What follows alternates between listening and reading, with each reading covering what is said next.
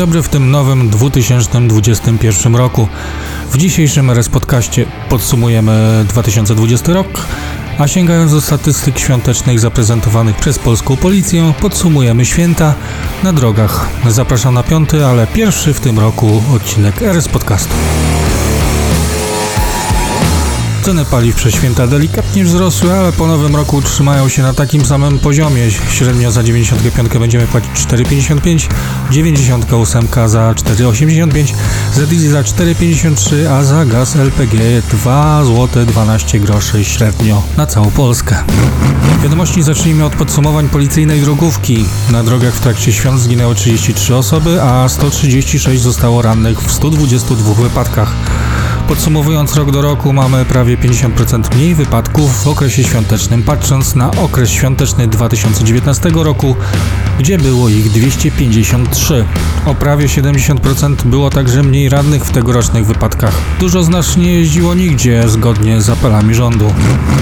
Statystyki co do trzeźwości kierowców, jako że także niższe, to nigdy nie powinny napawać optymizmem. Zatrzymano 793 kierowców i ich prawo jazdy, a to o 100 mniej niż rok wcześniej. Natężenie ruchu było o wiele większe w metropoliach niż na drogach wojewódzkich czy autostradach. Przejdźmy do podsumowań motoryzacyjnych. Zeszły rok opitował załamania. Mniej kupowaliśmy nowych samochodów, o 40% kupowaliśmy mniej uwielbianych przez Polaków Daci, Opla o 60%, a Mazdy o 66%. Ułagodniając światowo rynek, sprzedaży nowych aut zanurkował w dół o 60%. Mijający rok zasłonął oprócz epidemii także tym, że zakazywano nam przemieszczania się między krajami. I wszystko na to wskazuje, że ten temat powróci i w tym roku. Coś nosem czuję, że aby móc spokojnie przekroczyć granicę i korzystać ze wszystkich dobroci zwiedzania danego kraju, będziemy musieli być zaszczepieni i okazać stosowny papierek. Pożyjemy, zobaczymy. Duży pakiet ułatwień dla kierowców wszedł w życie, a przynajmniej jego część, bo na większość musimy poczekać albo do połowy tego roku, albo następnych. Ale już nie musimy wozić ze sobą prawa jazdy przy sobie, możemy zainstalować aplikację M-Prawo Jazdy w telefonie, ale także tego nie musimy. Od jakiegoś czasu także nie musimy mieć przy sobie druczku opłacenia ubezpieczenia OC. Pozytywnie było na początku pandemii, gdy można było tankować miejscami poniżej 4 zł za litr benzyny i złoty 60 zł za gaz. Jak wiemy wszyscy, to już nie powróci. Powrócił natomiast temat elektromobilności, który ma być dodatkowo napędzany tym, że do centrum miast nie wjedziemy spalinówką. Znaczy wjedziemy na LPG. Ogólnie ten projekt jest dosyć dziurawy i obawiam się, że o dalszych konsultacjach zostanie wywrócony do góry nogami. A jeszcze długo na niego poczekamy. Poczekamy także na pierwszy polski samochód elektryczny Izarę, który w zeszłym roku był i wciąż jest jeżdżącą makietą. Ten rok głównie spędziliśmy w kraju, bez większych podróży zagranicznych i tu pozwolę sobie na zdradzenie naszych planów na ten rok dla wszystkich, którzy śledzą losy Ratujemy Sabinę. A ten rok to do sierpnia dbanie i przygotowywanie samochodu na największą i najdłuższą wyprawę, jaką do tej pory udało nam się zrealizować. Przynajmniej taką mamy nadzieję.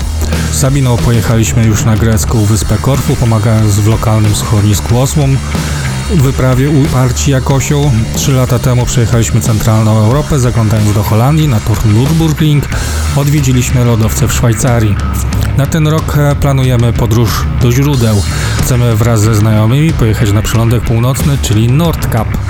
W drodze chcemy odwiedzić INSAP, czyli światowy zlot fanów marki SAP, a w drodze powrotnej muzeum w Trollhättan przy okazji miło mi poinformować, że do partnerów jako pierwszy dołącza Revolut, dzięki któremu będziemy mogli bez problemu i większych kosztów płacić za granicą, szczególnie, że odwiedzimy Finlandię, Szwecję, Norwegię, czyli dość drogie kraje, jeśli chodzi o paliwo, a tam o gaz LPG będzie dosyć trudno.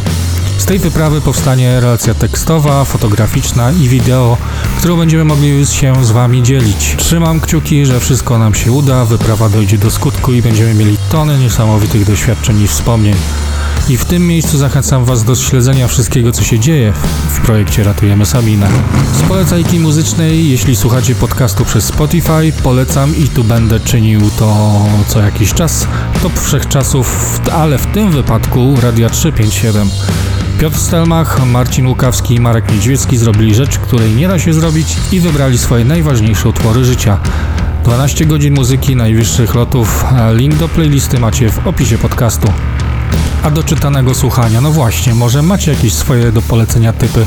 Czekam na mailu podcast małparatujemy sabinę.pl na koniec pogoda. Temperatura będzie delikatnie krążyć wokół zera, w nocy będzie poniżej, w dzień delikatnie powyżej. Możemy spodziewać się deszczu wieczorami i nocą marznącego. W ciągu tygodnia może też spać trochę śniegu. To tyle w piątym odcinku podcastu RS. E, mail do kontaktu jak zwykle to podcast małpa ratujemysabinę.pl, strona ratujemysabinę.pl. Do usłyszenia za tydzień. Kłaniam się, Michał Foltak.